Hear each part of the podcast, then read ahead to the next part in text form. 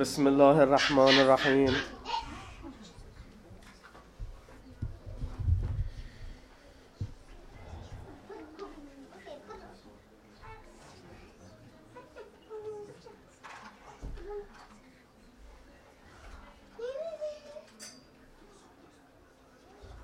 بسم الله الرحمن الرحيم. الحمد لله رب العالمين. والصلاة والسلام على رسول الله. وآله الطاهرين. اللهم صل على محمد وآل محمد ولعن الله على أعدائهم أجمعين إلى قيام يوم الدين. اللهم كن لوليك الحجة بن الحسن صلواتك عليه وعلى آبائه في هذه الساعة وفي كل ساعة. وليا وحافظا وقائلا وناصرا ودليلا معينا حتى تسكنه أرضك طوعا وتمتعه فيها طويلا Imam Mahdis välgång och snar återkomst när ni skickar salat. اللهم صل على محمد وآل محمد وعجل فرجهم Som gäller tidigare föreläsningar, om jag hostar, ni stöttar med salat. اللهم Det var inte jag. صل على محمد وآل Det var testomgång.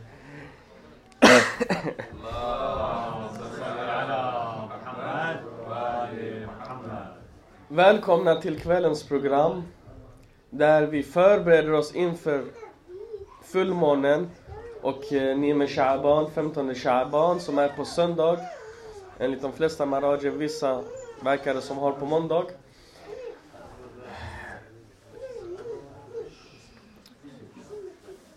Natten till 15 Sha'ban som blir imorgon natt är en, enligt vissa ulama är som en Leilatul Qadr i styrka och värde. Därför valde vi att ha firandet ikväll för att vi kan gå till den heliga natten tillsammans var och en för sig och sen de som vill nu firandet på olika sätt på själva söndagen eller olika Husseiniat församlingar. Vi uppmuntrar alla att gå till olika platser och vissa eh, deltar med sin nor. Vi startade ett ämne från förra gången på önskemål av alla av vissa deltagare eller flera deltagare. Så vi fortsätter med det ämnet. Vi är på andra föreläsningen nu. Syftet med kvällens föreläsning är att vi ska prata om, eh, vi ska beskriva hur den spirituella resan sker. Och vi ska prata om just specifikt ikväll, vad en, vad en spirituell nivå och ställning, en manzil eller maqam, vad är det för någonting? Och hur kommer man upp en nivå i det spirituella? Det är vad vi ska prata om idag. Med hur menas inte det praktiska såsom hur mycket ska jag be eller fasta? Nej. Ni vet den spirituella delen av Islam, den kallas för erfan. Erfan har en praktisk del och en teoretisk del. Man måste veta saker och man måste göra saker, precis som på en resa. Man måste veta var man ska gå, vad är det som regler som gäller, vad som händer på vägen och sen måste man faktiskt göra vissa saker. Ordet kommer från ma'rifa, alltså ma'rifatun nafs, ha kännedom om sig själv så man kan få kännedom om sin Herre. Och det är därför som vi vill, precis nu i början, vi är på andra föreläsningen, där detta är vårt ämne. Vi vill prata och förstå den här inledande termen som handlar om en spirituell nivå. För ni hör mig ofta prata om maqam här, maqam där. Så vi måste förstå vad är det för någonting. Är det tydligt? Vi börjar med hadithen. Imam Sadiq alayhi salam säger Jag älskar den här hadithen. Det är en av hadither, jag har en samling med hadither, den är den här speciella. Och alla hadither jag älskar, men dessa vissa fastnar. Han säger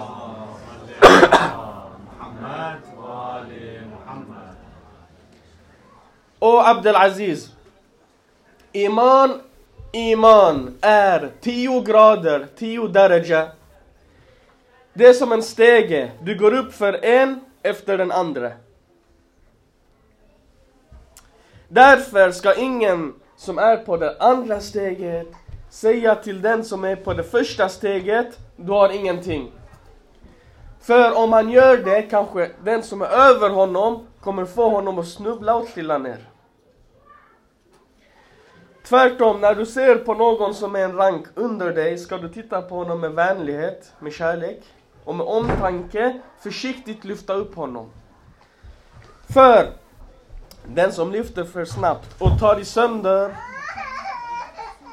Skicka salat.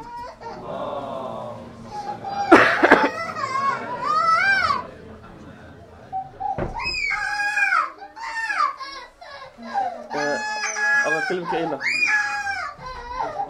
Skicka han hit. Samma. Bror. Skicka salat.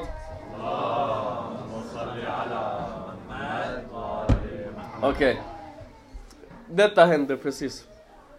Att när en mu'min trillar för att du lyfter honom för snabbt. Om han trillar och snår sig. På grund av dig så måste du, hadithen säger så här att lyft honom vänligt till dig och överbelasta honom inte för då tar du sönder honom. Och den som tar sönder den troende måste laga vad han har tagit sönder. Det var precis det här som hände. Nu.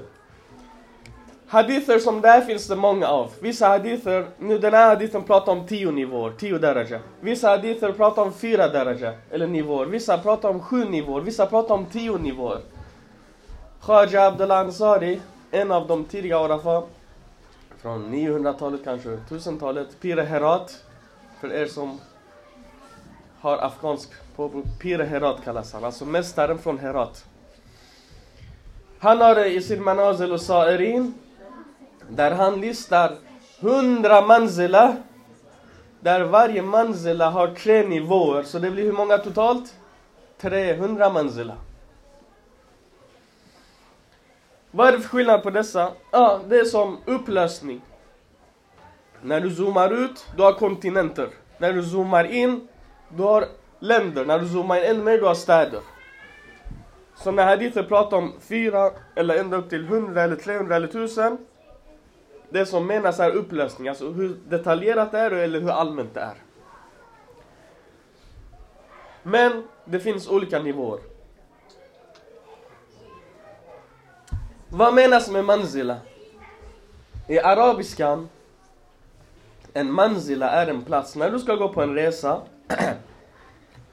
När du kommer till en rastplats för att vila Förut bland araberna var det så här, man gick på en resa när man hade nått fyra farsach Och nu kör vi lite fiqh-terminologi Hur lång är en farsach?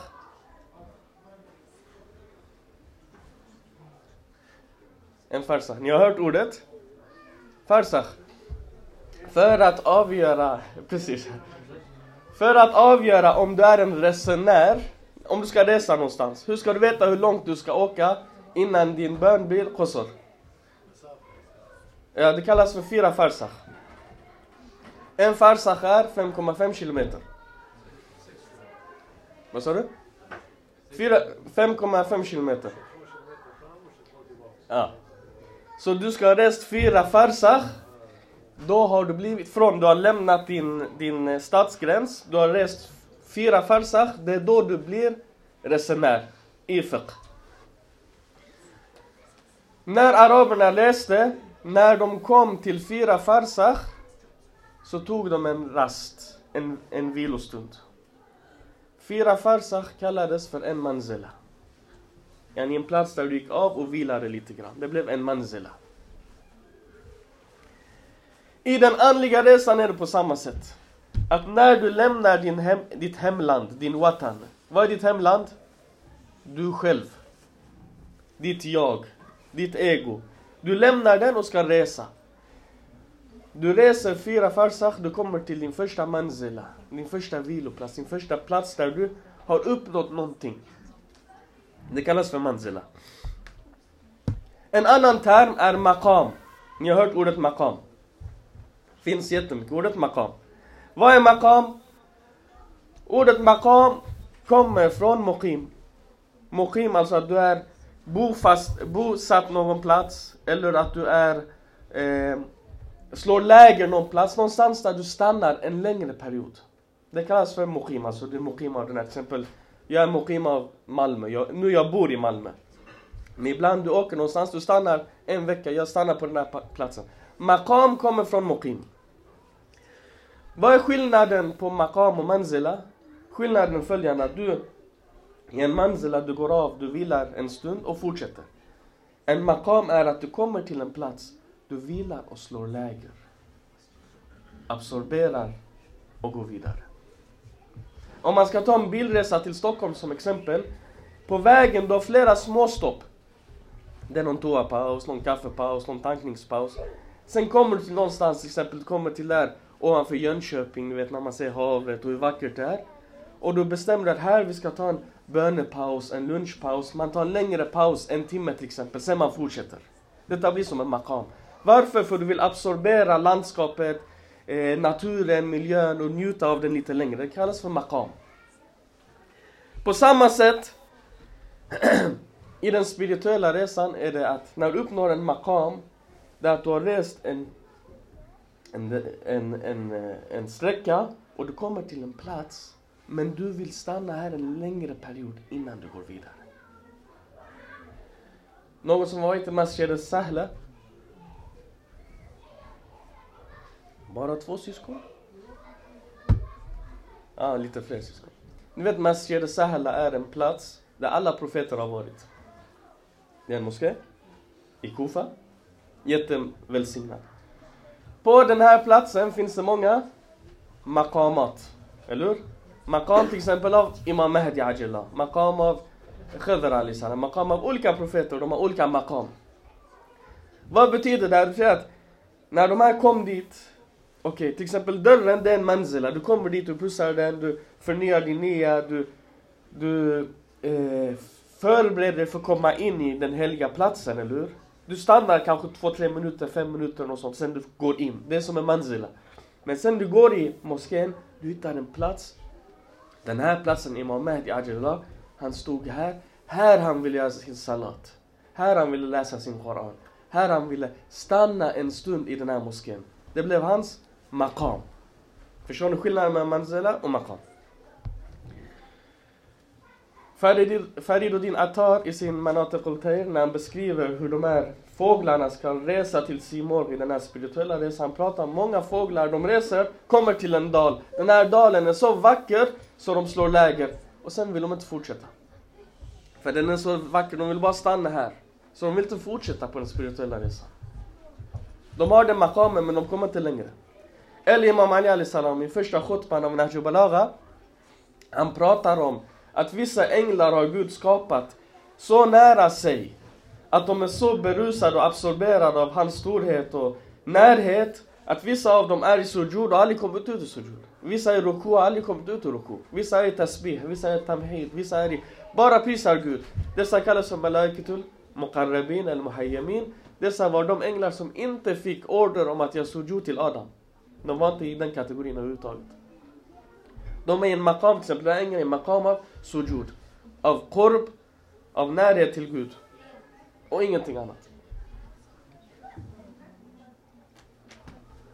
Sen vi har ordet daraja som Imam Sadiq salam nämnde.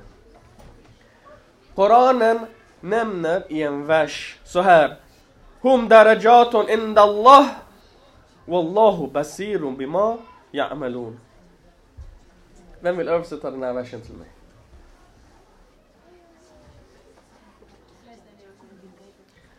Hum darajatun inda Allah. Hum darajatun inda Allah.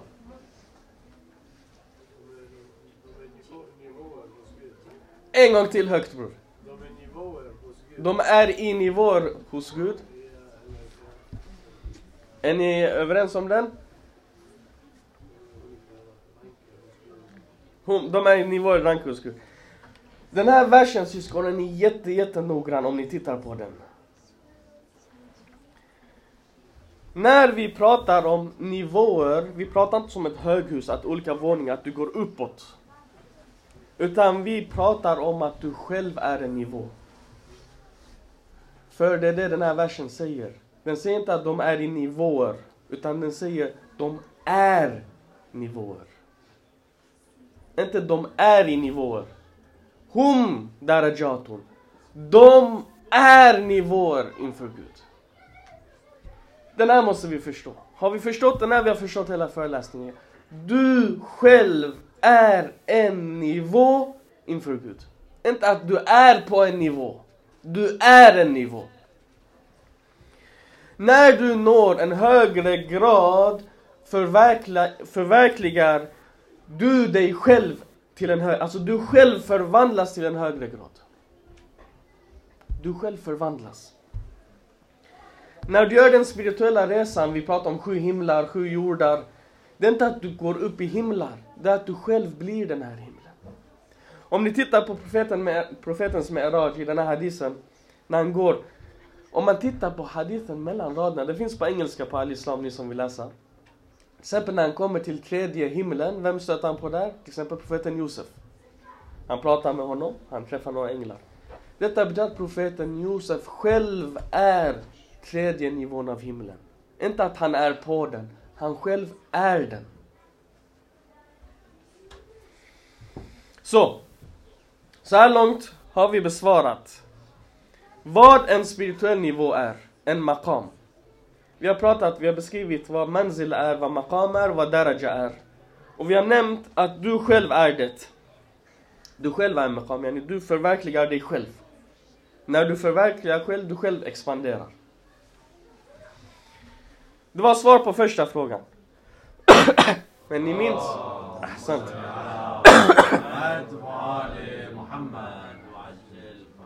Men vi hade två inledande frågor. Den andra frågan var, okej. Okay nu jag vet vad en maqam är, jag vet vad en nivå är, jag vet vad en daraja är. Hur uppnår jag en högre daraja? Vill ni gå upp? Ja. Hur? Jag vill fråga nästa fråga, hur? Så här är det syskon. Att detta nu jag ska summera flera böcker och flera lärdas i det här kortfattat. Att från Gud strålar en wujud, en existens, en nur, ett ljus. Den kommer. Och den når olika grader, olika avstånd, olika intensitet. Min resa är inom mig själv.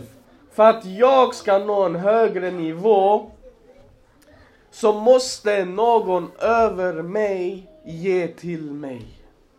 För jag kan inte få det från mig själv. En högre nur, en högre existens måste ge till mig så att jag ska få. Jag kan inte få det från mig själv. För att utöka nur krävs starkare nur. Till exempel den här nur kanske har intensitet 300. Den kan inte ge mer än 300. Om du vill komma upp till 500 du måste hitta någon annan som ger dig 500. Från Gud kommer en nur, en wujud. Den är för alla. Alla just nu får den här. Den kallas för Rahmani. Den är allmän och den utvecklar vår kropp. Växter växer, människor växer, utvecklas. Troende, inte troende spelar ingen roll. Alla drar nytta av den här. Sen finns det en nur som kommer från Gud som inte alla drar nytta av. Den kallas för Rahimi. Den här Rahimi-nuren som kommer kan inte jag dra nytta av. Varför kan jag inte dra nytta av den? För att jag är i... Vad pratade vi om förra gången? Ghafla. Jag är i försummelse. Eftersom jag är i försummelse kan jag inte dra nytta av den. För att jag ska dra nytta av den behöver jag begränsa, begränsa min världsliga aktivitet och fokusera på min spirituella aktivitet. Från kropp till själ, från utsida till insida. Detta är den spirituella resan och detta är essensen av fastan som vi är på väg in i. Vad handlar fastan om? Du ska inte göra någonting, du ska ta bort. Ta bort din mat, din dryck, din, din fysiska närhet. Du ska ta bort de här världsliga grejerna. Sen du ska fylla på med det spirituella. Kolla hur vackert det är. Den säger inte till dig gör salat, gör alla de, den säger till ta bort. När du minskar det världsliga, utökar det spirituella. Då du blir mottaglig. Så jag reser på insidan, min resa är inte på utsidan. Jag ska inte gå till någon himmel, jag ska inte gå någonstans. Utan hela resan är inom mig själv. Och min resa är från en nord till en högre nord. Det vill säga reser. Och för att komma upp behöver jag hjälp och det är det som Imam Sadat pratar om i hadithen. Han säger en över mig måste ta min hand upp till en nivå. Jag kan inte komma upp av mig själv. Idag lever vi under vår tids imam. Skicka en salawat för hans välgång.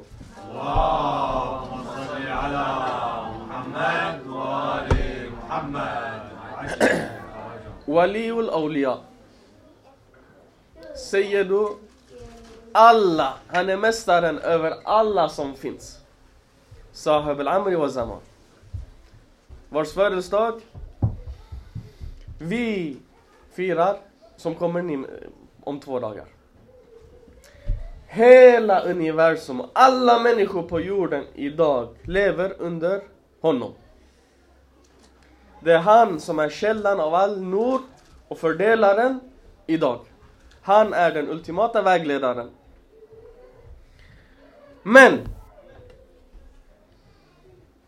kan jag vara i direkt kontakt med honom? Eller inte? För Imam Sadiq, vad säger hadithen? Hadithen säger du, om du är i steg 1, nivå 1, grad 1. Vem ska ta din hand? Vem ska ta din hand? Vilket syskon? Han i steg 2. Inte han i steg 10. Inte han som äger hela stegen. Han i steg 2 ska ta upp dig. Så jag lever idag under en wali som lever under en wali, som lever under en wali, under en, en, en som är kopplad till Imam Mahdi Ajallah. Jag behöver inte ha direkt förbindelse med honom. Varför kan jag inte ha den direkt förbindelsen? För att hans nor är så stark att jag inte har kapacitet att ta emot den. Titta på elden. Här är en eld. Om jag är i nivån av ris, om jag är i makam av ris. Om du tar riset och lägger den i elden, vad händer? Den bränns. Den förstörs. Vad gör man? Man tar riset och lägger den i vattnet. Och vattnet man lägger i ett kokkärl och kokkärlet man lägger på elden. Så riset är i två slöjor, i två me- förbindelser mellan sig själv och elden för att den inte ska brinna upp. Det är nummer ett. Nummer två. Riset behöver vara i rörelse. Om den står still, den kommer till botten och den bränns igen. Den klarar inte av att vara i direkt förbindelse. Men om jag växer, jag reser från nivån av en växt, reser in i- från nivån av att vara ett djur, att nå nivån av att vara en stark människa. Som järnet, järnet kan vara i förbindelse med elden. Den tål, jag tål inte, jag bränns. Där jag kommer från en wali, där jag säger man reser, reser, reser tills man når där någonstans. Här man kanske kan komma, det är inte så många människor. Det finns några stycken som lyckas hela vägen dit. Men för en som mig kanske det räcker, jag kommer till tre, fyra mellanled till honom. Det är därför ni vet, i den här imamens nätverk, vi pratar om Imam Mahdi Ajallah. Sen du har Otad, fyra stycken. Sen du har cirkel efter cirkel, du har Nojabar, du har eh, Abdal, du har alla de här leden som man pratar om tills man kommer till allmänheten. Men saken är den syskon att även om jag är i hijab, även om jag inte är i direkt förbindelse. Vem är det som värmer mig? Det är fortfarande han. Vem är det som vägleder mig? Det är fortfarande han. Även om det är via två mellanhänder, eller fyra mellanhänder, eller tio me- mellanhänder. Det är det som är det vackra, att han är närvarande. Just nu. Just nu, han vägleder oss. Och vi tar emot. Även om vi inte gör det direkt. Det var en person, syskon. Han älskade Imam Mahdi Ajala jättemycket. Han längtade efter honom, han gjorde olika amal för att få träffa honom, att se honom. Han letade överallt efter honom, han åkte till Hajj, han åkte till Karbala, olika platser. Alltid tawassul, alltid nämna hans namn. En dag så hamnade han i väldigt svåra svårigheter, världsliga problem. Han gjorde tawassul till Imam Mahdi Atrillah. Men dessa knutarna löstes inte. De var kvar. En tid passerade, hur mycket han gjorde, han kunde inte lösa de här problemen. En dag så blev han så pass hjärtkrossad. Ni vet när man går igenom svårigheter och till sist man når det som man kallar för desperation. Alltså man är hopplös. Han hamnade i det här stadiet. Och han gick ut för sig själv. Han lämnade, han gick hemifrån upprörd, slog igen dörren och bara promenerade på gatorna. Gick omkring och tänkte för sig själv tankar som Vad är jag för person? Jag har gjort alla de här dua för Imam Mahdi, letat efter honom, gjort sadaqa för Varför har jag inte träffat honom? Varför, varför hjälper han mig inte med de här problemen jag har? Varför är jag så värdelös? Varför kommer jag inte i kontakt med honom? Han tänkte med de här tunga, djupa tankarna inom sig själv. Medan han gjorde det, utan att märka någonting, kom en person gåendes bredvid honom. Sa till honom, minns du den gången när du skulle köra bil och du fick punktering? Och du stod där och sen tills du fixade din punktering kom iväg och sen stod det att det var en jättestor bilolycka på vägen. Och du sa alhamdulillah tur att jag inte åkte en timme tidigare för då hade jag också krockat. Minns du den gången? Det var jag som gjorde att du fick punktering. Så att du inte krockade på den platsen. Minns du den gången när ditt barn blev sjukt? Och du letade efter, överallt efter medicin och du hittade ingenting. Sen en gran, granne kom och knackade på och frågade efter eh, salt och sen såg ditt barn var sjuk och han sa jag har den här penicillinen du behöver hämta det till dig. Det var jag som skickade den grannen till dig. Minns du den gången när du hade det här problemet och du kunde inte lösa den av den sig, det var jag som. Han sa de här grejerna. Sen, mannen han stannade upp, han bara, han har slut. Det är sant. I den stunden han insåg att hur vet den här personen vad jag tänker på? Och hur känner han till alla de här händelserna i mitt liv och besvarar dem på det här sättet? Och då insåg han i den stunden att det här måste ha varit imamen som har kommit och promenerat bredvid mig och sagt de här sakerna. När han insåg det, han vände sig om och han säger att personen är inte kvar längre. Han säger själv, Imam Ajalallah Ta'ala, att jag gör dagligen dua för er och löser era problem. Men ni vet inte om det. När det blir riktigt stora problem ni vänder er till mig. Med alla de här vardagliga, det är mina dua bakom er som räddar er från olika katastrofer som ni inte tänker på. Känner någon av er till Ayatollah Abul Hassan Esfahani? Du känner till bror? Han var en av stora Maraja. Han dog på 50-talet. Ayatollah Behjad var en student, Alamat Tabatawai var en student. I fiqh och så vidare. Han var Ayatollah Burujerdi som var den största marjan av Shia tog över efter honom. Som för sin tid, han var den största marjan, alltså den enda marjan bland Shia, det var han som folk gjorde taklida av. Detta var på 30, 40, 50-tal som han var stor i Najaf. En gång i tiden liksom många av er, var han en ungdom. Han var 10, 12 år kanske, 6, 7, 8, 10, 12, däromkring. Han var inte tidig tonår. Han bodde i en liten by i, i, i Esfahan, där i trakten. Han sa till sin pappa, detta är 1870 däromkring. Han föddes 1870 ungefär. Han sa, pappa jag vill bli imamens soldat. Jag vill gå in i Hausa.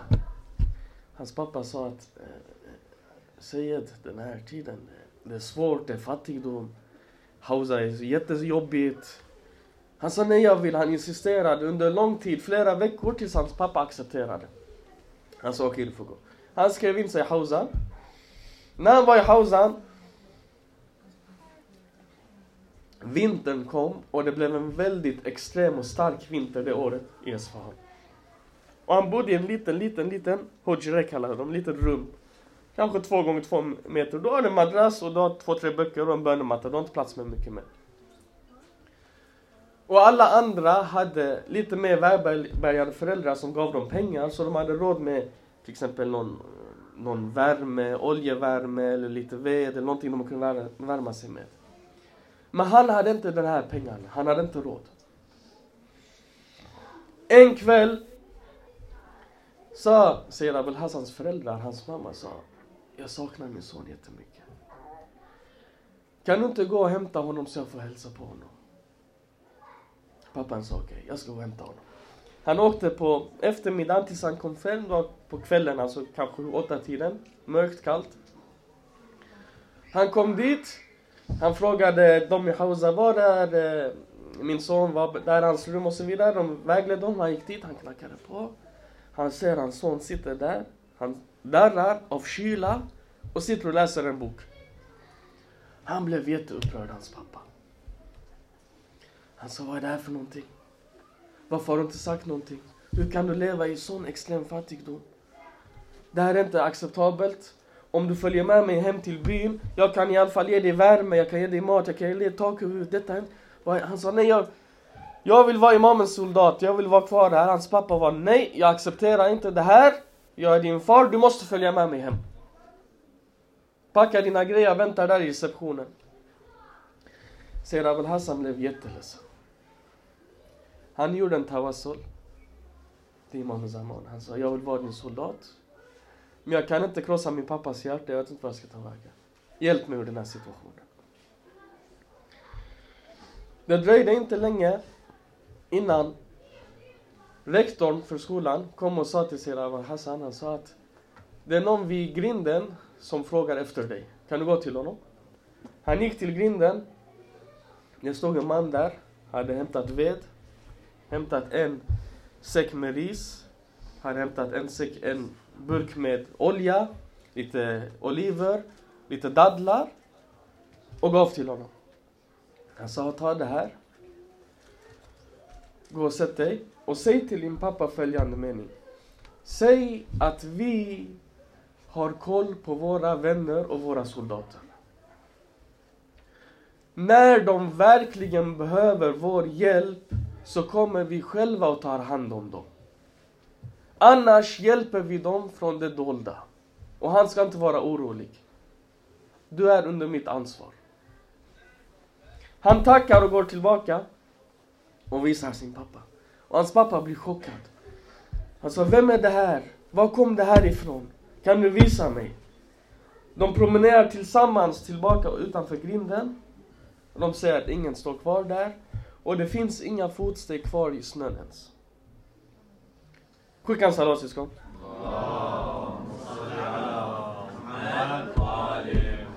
Berättelser som detta syskon finns det jättemånga av. Jag har en hel bok som listar sådana här berättelser. Denna boken har nått ungefär 20 omtryckningar, alltså upplagor i Iran. Ja, detta är bara två exempel från den boken som jag berättar för er nu att imamen är närvarande, ser dig och när det verkligen gäller, han är bakom dig.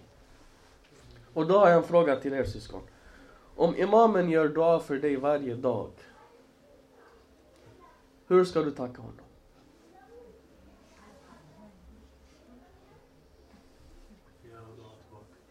Hur ska du tacka honom? Hur ska du göra dua tillbaka?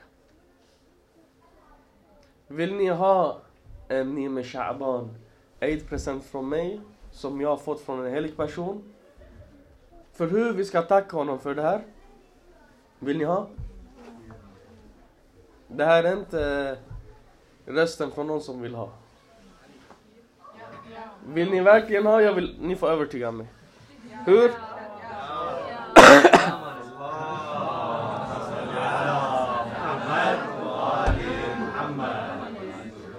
Det är inte svårare än så. Det finns en enkel sak som ni kan göra varje dag.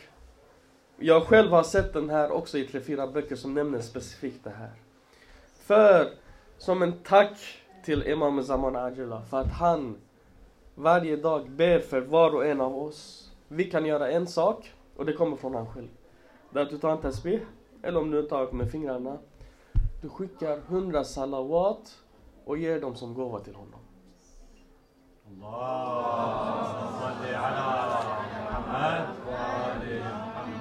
Denna dagliga gåva är som det därför jag säger, om han gör dua för dig hundra gånger, du besvarar med hundra dua tillbaka. För vad är dua? Det är i slutändan en salawat. Allahumma salli ala Muhammad.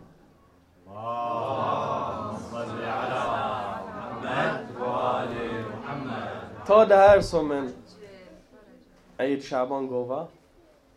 Testa den. Gör den dagligen, det kommer ge jättemycket. Inshallah. Jag vill summera hela föreläsningen med följande liknelse. Och det är allt som vi vill prata om. Och så ska vi avsluta. Du har en kapacitet. Vad din kapacitet är, jag vet inte. Säg den är till exempel 100 ljus, sån här ljus. 100 ljus.